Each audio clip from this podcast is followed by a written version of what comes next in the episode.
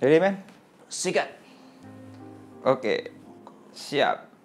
Thank you men udah masuk di salah satu konten Life Story Project dan ini sebenarnya project kita udah dari kapan tahun tapi nggak jadi jadi syuting juga nih kita.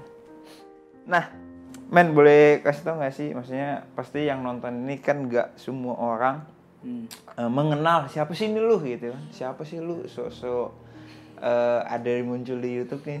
Nah, iya.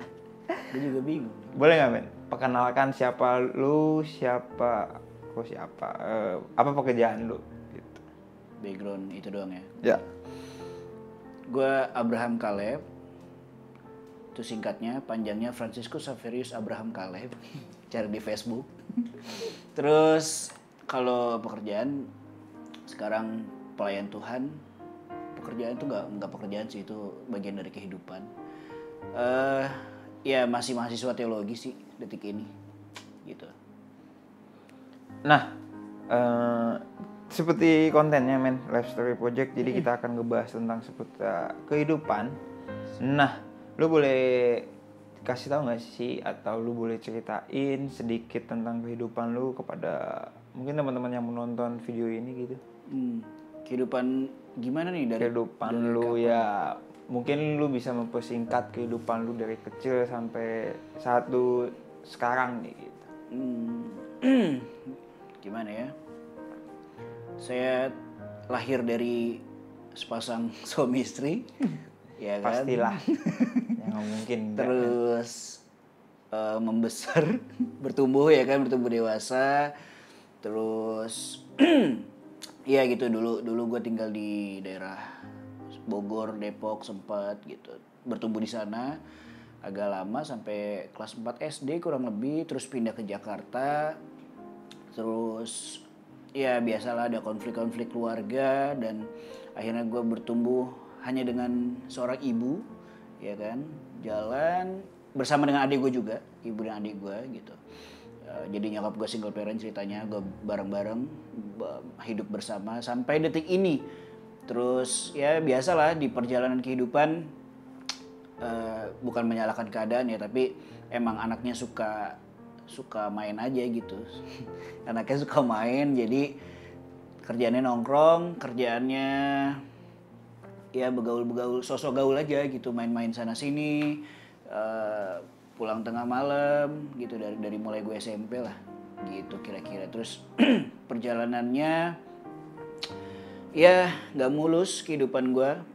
Hal dalam hal pendidikan gitu. Ada beberapa kali tertunda ya beberapa kali tertahan gitu. Ada yang nggak naik ada yang do kayak gitu gitulah terus sampai akhirnya detik ini kayak tadi di awal gue perkenalan gue memutuskan untuk sekolah teologi belajar ketuhanan yang gak maha esa sih. Teologi Kristen yang gue pelajarin gitu men. Oke, ngomongin tentang Tuhan, gue pengen nanya nih men. hidup. Hidup itu dan gue juga baru menemukan filosofi yang gue suka ini nggak nggak baru juga sih. Beberapa tahun belakangan lah gitu. Karena gue sering jalan naik motor gitu jalan naik motor ke mana-mana lumayan jauh lah. Muter-muter naik motor udah. Dan gue suka banget sama jalan gitu. S- jalan yang panjang. Dan menurut gue kalau di- bisa dipersingkat hidup itu merupakan sebuah jalan yang panjang. Yang gak ada ujungnya sebenarnya. Gitu Sa- sih. Sampai kita mati. sampai mati. Oke, menarik. Karena ngomongin soal hidup pasti setiap orang punya perspektif yang beda-beda nih soal hidup gitu kan. Bahkan eh, dari beberapa yang gua sempet tanya di episode-episode sebelumnya mereka banyak sekali ngomongin tentang perspektif tentang hidup. Dan berbicara tentang hidup pasti tidak terlepas dengan yang namanya problem, namanya masalah, men. Nah,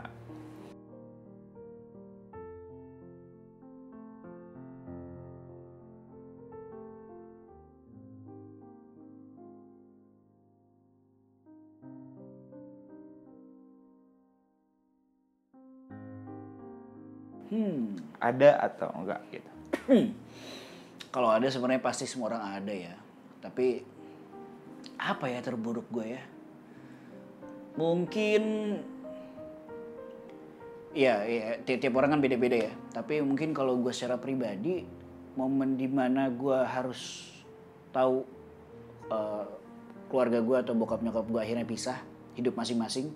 Dan di situ gue sempet, karena gue anak pertama, jadi gue harus memilih antara ikut bokap atau ikut nyokap gue nih. Kalau adik gue dipertahankan sama nyokap gitu. Dan bokap gue mempertanyakan, lo mau ikut siapa?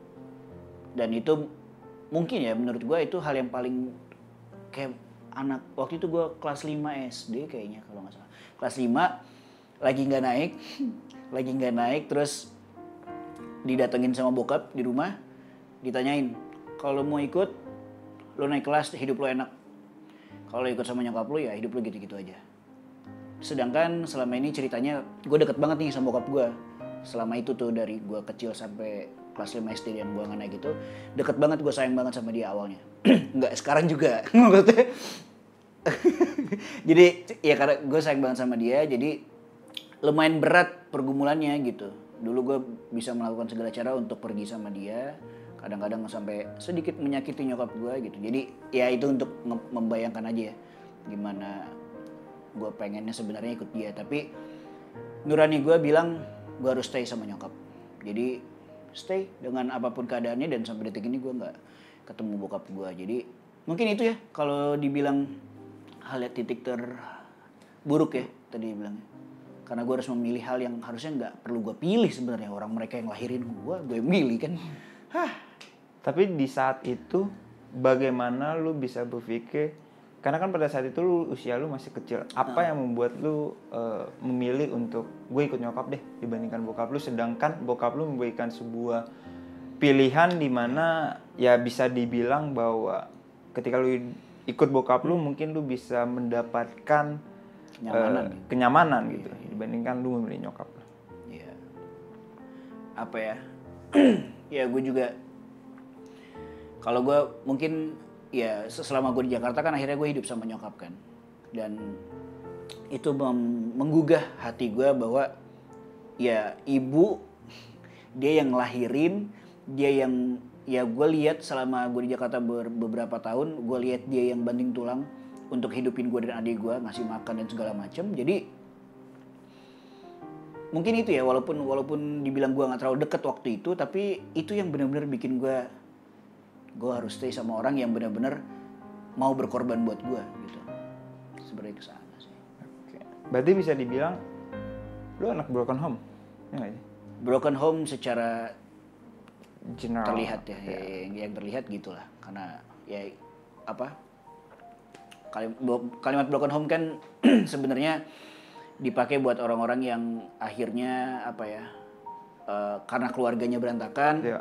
Dan dia jadi hidupnya kacau dan segala macam gitu tapi untuk ngomongin kasih sayang di rumah jujur pada akhirnya gue menemukan hal yang membuat gue nyaman gitu di rumah gue walaupun gue tinggal bertiga doang sama adik dan nyokap gue. Nah, boleh dikasih tahu nggak sih? Berarti kurang lebih usia lu saat ini sekitar 20-an berapa? 20-an berapa ya? 25, 20 gue lahiran tahun 94 lah. 94. Kayak gitu.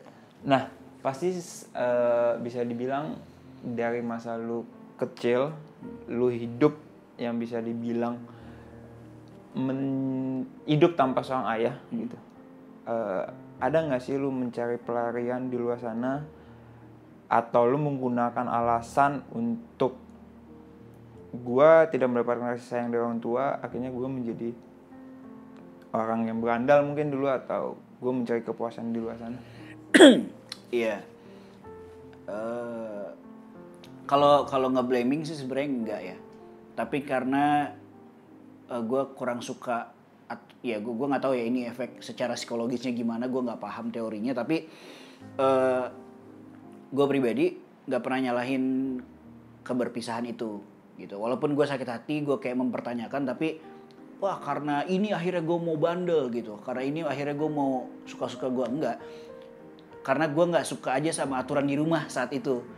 Gue nggak suka banyak aturan gue nggak suka maksudnya aturan gue dikekang lah dalam tanda kutip gitu sama nyokap dan segala macam aturannya. Akhirnya gue seringnya ya udah cabut keluar rumah nongkrong main ya hidup pergaulan bebas dan segala macamnya di luar tanpa nyokap gue tahu gitu. Karena lebih ke karena nggak suka di rumah gue diatur-atur waktu itu gitu kan biasa darah muda ya kan darah yang berapi-api kan gitu pengennya menang sendiri dan main-main lah gitu Oke. Selama lu hidup nih men, Mm. pernah nggak sih eh, bahkan bisa dibilang mungkin lu lagi ngalamin posisi terburuk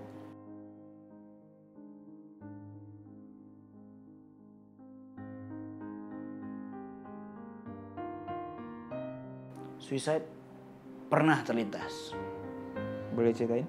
kalau ngomongin suicide itu lebih ke apa ya? Tapi nggak lama sih memang. Maksudnya kayak momen-momen kayaknya gue ya beranjak dari SD ke SMP kelas pokoknya dari gue sempat gak naik itu terus kelas 5 lagi ngulang karena nyokap gue tidak membiarkan anaknya untuk naik kelas didikannya adalah kalau lu tinggal ya lu bertanggung jawab gitu intinya gitu.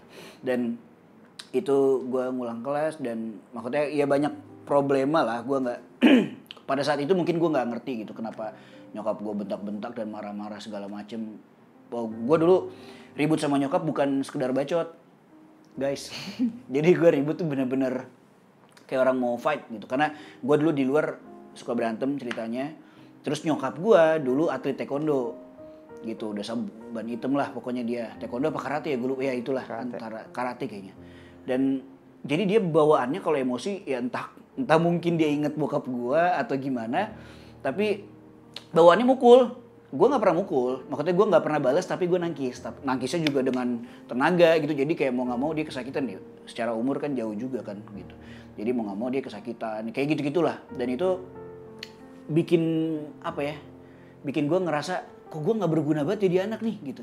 Walaupun saat berantemnya seru saat ini seru kadang-kadang yang paling bikin gue nggak kuat adalah ngelihat nyokap gue harus nangis ngelihat nyokap gue kayaknya dia merasa gagal memiliki anak seperti gue gitu saat itu ya.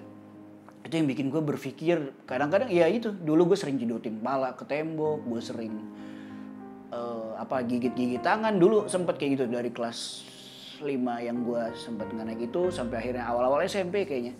Nah, kalau pas SMP gue bener-bener bablas tuh hidup di luar lah ceritanya gitu. Nah itu momen-momen gue pengen suicide tuh sebenarnya itu. Momen-momen peralihan gue benar-benar hidup bersama nyokap sendiri dan gue melihat nyokap bagaimana nyokap depresi ngidupin kita sendiri gitu saat itu ya.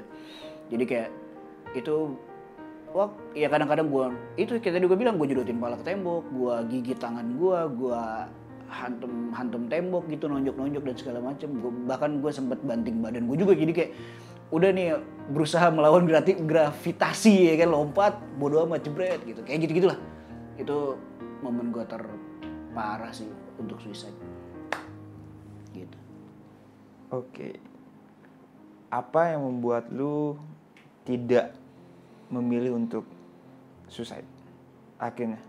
Nah, ini yang yang keren ya, maksudnya ya gue melihat nyokap gue depresi, gue melihat keluarga gue tidak sesempurna bayangan gue, bukan sempurna keluarga lain ya, karena gue yakin keluarga lain juga punya kekurangan masing-masing. Tapi di momen nyokap gue depres, terus ya dia, dia kacau, tapi yang gue lihat dia adalah orang yang mau terus mendekat sama Tuhan.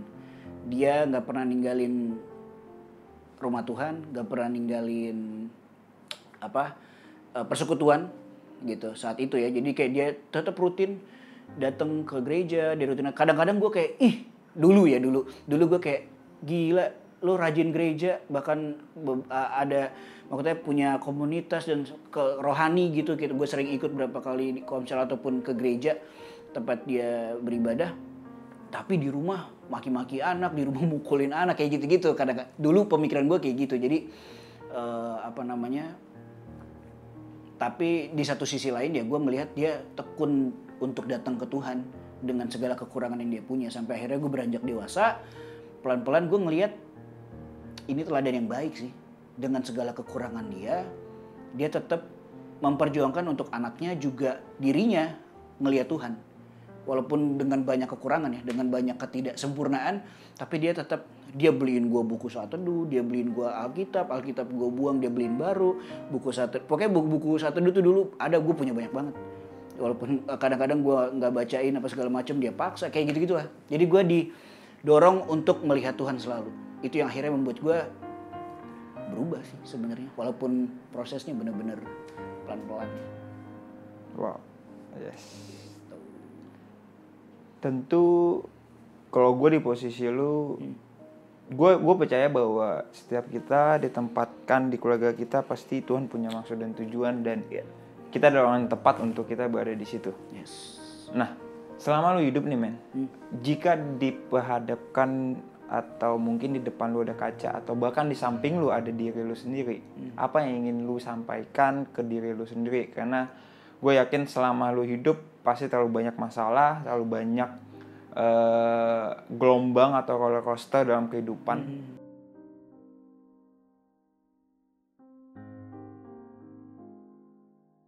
ini kayak Naruto nih men. Gue akan ngikutin Naruto gitu dia. Iya. dia datang ke masa lalu ngelihat diri dia dia ngasih tahu. Tapi gue gak mau ngikutin dia. Walaupun sama. Omongan dia ya maksudnya eh, ini ini maksudnya gue di masa lalu atau gue yang sekarang nih gue bisa berhadapan sama diri gue nih? Lu sekarang jadi kayak jika tiba-tiba lu di sebelah lu ada diri lu yang saat Oke, ini. oke, oke, Gue yakin kan pasti dari lu yang tadi ceritain bahwa dari lu kecil sampai sekarang terlalu banyak masalah. Dan pasti eh, kayak sering kali kita lupa untuk kita bilang ke diri kita. Untuk ya apa pun itu gitu. Kita cuman fokus dengan masalah tapi kita lupa bahwa ternyata udah terlalu banyak Iya, eh, kita lewati masalah dan masalah itu selesai. Jadi apa yang ingin lu bilang ke diri lu sendiri? gue cuman pengen ngasih tahu ke gue gitu. Bahwa ya lu keren coy. Jangan nyerah. Apa pun di depan lu nanti kayak ya lu udah lewatin kok semuanya. Lu bisa laluin semuanya. Yang pasti bareng Tuhan sih. Kalau dulu dulu lu nggak bareng Tuhan arahnya pasti lebih macam-macam pikiran lu bakal ke mana-mana yang harus lo ingat jalanin semuanya bareng Tuhan itu karena nggak lu nggak kuat kan kalau nggak sama Tuhan gitu. Ada yang pengen lu apresiasi untuk diri lu? apresiasi iya lo orang yang keren sih lo orang yang kuat banget sebenarnya cuman kadang-kadang lo galau aja tapi udah itu singkirin lo keren aja gue narsis banget sih Gak apa-apa. Thank you man. Gue yakin bahwa apa di luar sana sebenarnya banyak banget. Bahkan kenapa banyak orang terlalu fokus dengan masalah tanpa melihat bahwa ternyata dia nggak sendiri nih. Mm. Dan sering kali orang tidak berani untuk speak up karena dia merasa bahwa masalah gue ya untuk gue pribadi. Iya. Nah, dari lu yang udah melewati berbagai banyak masalah dan gue yakin bahwa masalah di dunia itu ya kurang lebih ini ini dan itu Iya, itu iya. doang gitu. Cuman beda jalannya dan beda situasinya. dari latar belakang orang-orangnya Ya. Iya, iya. Nah,